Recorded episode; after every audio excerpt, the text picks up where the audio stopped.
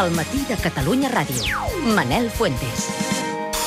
Doncs ho venim explicant. El diari brasiler Globo Esporte ha explicat les últimes hores que cinc futbolistes de la selecció espanyola van jugar a l'strip poker amb eh, cinc noies després del partit contra l'Uruguai a la Copa Confederacions, que aquests dies es juga a Brasil. Segons aquest mitjà, l'endemà al matí, quan s'havien anat eh, les noies, els membres de la delegació van trobar a faltar uns 1.000 euros.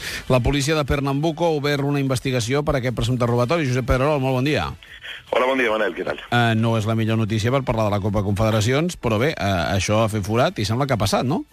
Va, diguem que no és un portal allò poc conegut, eh? Parlem de Globo Esporte, que és el canal O Globo, per tant, dels mitjans de comunicació més important a Brasil. Dic per donar-li alguna credibilitat a aquest tema. Clar. No és que estigui allò que s'ho ha inventat un portal amb tres nanos que, que fan notícies d'aquestes o rumors. No, no, és Globo. Home, s'estaria parlant de que hi ha una denúncia feta, no? Exacte, hi ha una denúncia feta. I hi ha, hi ha un altre tema important. Jo crec que ja la, la, la preocupació dels jugadors ara mateix és que si diuen que els han robat, tenen, diguem que es vincula el robatori amb aquestes noies que pugen a les habitacions. No? Nosaltres hem sabut, la federació reconeix que hi ha sis jugadors que han estat robats. Nosaltres tenim el nom de cinc jugadors, cinc.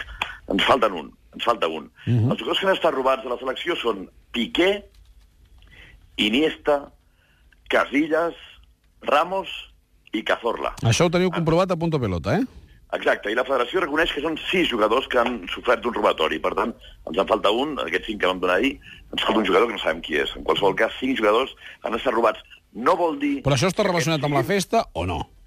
No, diguem-ne que la denúncia es va produir el dia següent. Eh, Per tant, no, no és que estigui relacionat directament, però diguem-ne que aquell mateix dia es produeix un robatori i després també es produeix una festa.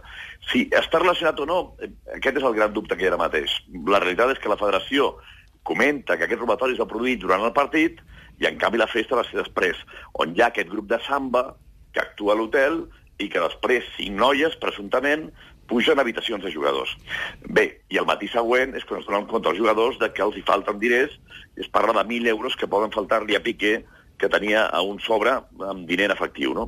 Dir, aquest és el, el tema. És habitual, i ho sabem tu i jo, ho sabem tothom, que quan acaba un partit de la selecció espanyola, els jugadors a qualsevol eh, ciutat del món munten una festa.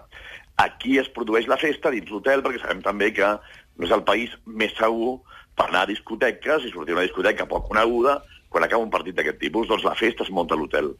Bé, la federació no és que negui els fets ni que denuncia. A mi em sembla que el que hauria de fer la federació va fer el comunicat la Federació Espanyola ahir a les 3 de la matinada, hora nostra. Vull dir, va trigar un munt d'hores des que la notícia apareix per fer aquest desmentit.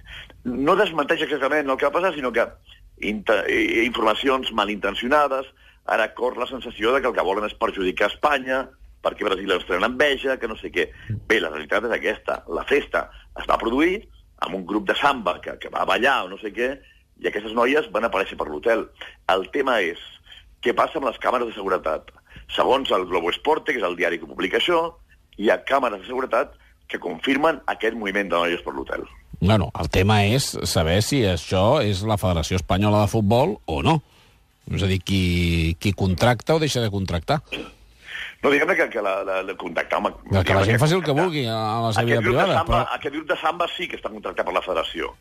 Vull dir, aquesta, aquesta festa l'organitza la federació, d'alguna manera, en connivència amb els jugadors, i amb Pepe Reina, que és una mica qui, qui, qui, qui organitza aquestes coses i que també, doncs bé, doncs, doncs es plantegen que no estaria malament després del partit fer una festa a l'hotel. I això em sembla que si, eh, si es convoca una tuna, quan es casa algú, doncs aquí convoquen un, un grup de samba. Bé, el que passi després, i si hi ha càmeres que han gravat el tema, més preocupant. Ahir Piqué va negar aquest tipus de coses. Ja. Bé, quedem-nos en que hi ha robatori i, i una possible festa. I càmeres que seguretat està estudiant ara mateix arrel de la denúncia. No? Bueno, estarem pendents de, del que ens expliqueu a, a, aquesta nit. Gràcies per, per avançar-nos-ho, Josep. Una abraçada. Fins ara, no s'ha de Una pausa i venim de seguida.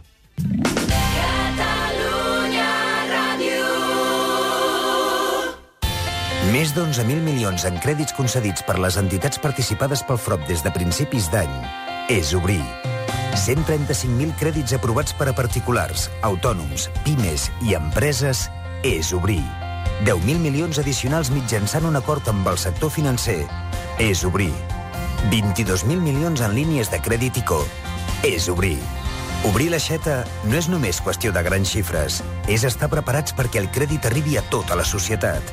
És fer que flueixin les oportunitats. FROB, Fondo de Reestructuración Ordenada Bancaria, Ministerio de Economía y Competitividad, Gobierno de España. Arriba la superquinzena de l'estalvi a Slecker. Ofertes impressionants que no et pots perdre. As paper higiènic 3 capes 10 per 200 serveis, 50% de descompte en la segona unitat. Sí, sí, per només 1,69 la segona unitat de paper higiènic As 3 capes. Moltes més ofertes com aquesta t'esperen. Corre a la teva botiga. Doncs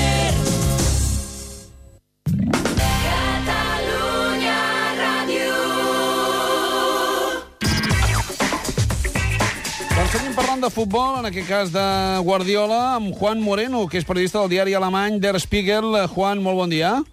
Hola, buenos días, ¿qué tal? Eh, doncs contents de, de contactar amb tu perquè Der Spiegel va explicar el dia 13 de juny que eh, Pep Guardiola va donar el primer pas per anar al Bayern, eh, això era quan encara estava al Barça. Ens podries explicar exactament com s'ha gestat aquest fitxatge que ara mateix té eh, meravellat el futbol alemany?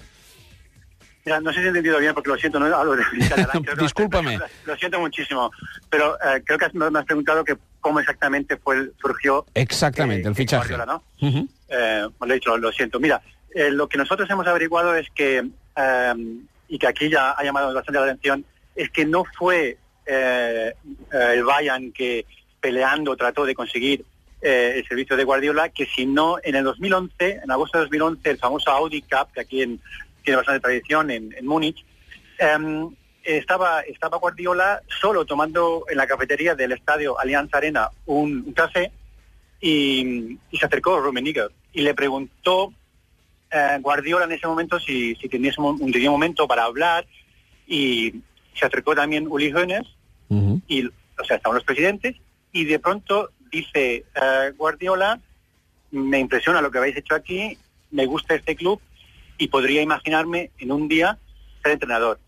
A nosotros nos han confirmado los dos que se quedaron en ese momento asustados porque, y eso es literal, jamás nos hubiésemos atrevido a preguntar a Guardiola, a semejante entrenador, si estaría dispuesto a entrenar al Bayern de Múnich. Eso Rummenigge anoche, a- bueno, ayer por la tarde lo volvió a, a repetir ante, ante compañeros y realmente ayer en la presentación es que se sentían que te- estaban orgullosos, como niños en Navidad con el juguete nuevo. ¿Cómo, ¿Cómo fue la, la presentación? Porque fue muy multitudinaria. Sí, fue impresionante porque mm, eh, nosotros escribimos que iba a, que iba a hablar en, en alemán, cosa que impresiona a muchísimos alemanes porque no están acostumbrados que entrenadores extranjeros hablen alemán, incluso estando un año, dos años y más. Y la verdad es que la soltura, la facilidad de expresión que tenía eh, Pep Guardiola, lo digo yo que, que hablo perfectamente alemán, es que quitaba el libro, es que fue realmente impresionante. Hoy el, el, la Bild el periódico aquí más grande de, de Alemania, le daba un, un sobresaliente al, al alemán de, de Pep Guardiola y la verdad es que aquí nadie se lo, se lo esperaba. Qué bien. Tan bien y tan fluidamente alemán, la verdad es que ha impresionado mucho. Primer gran duelo de Guardiola será contra Mourinho, en la final de la Supercopa Sí. de Europa. O sea que no se escapa de él Guardiola, ¿eh?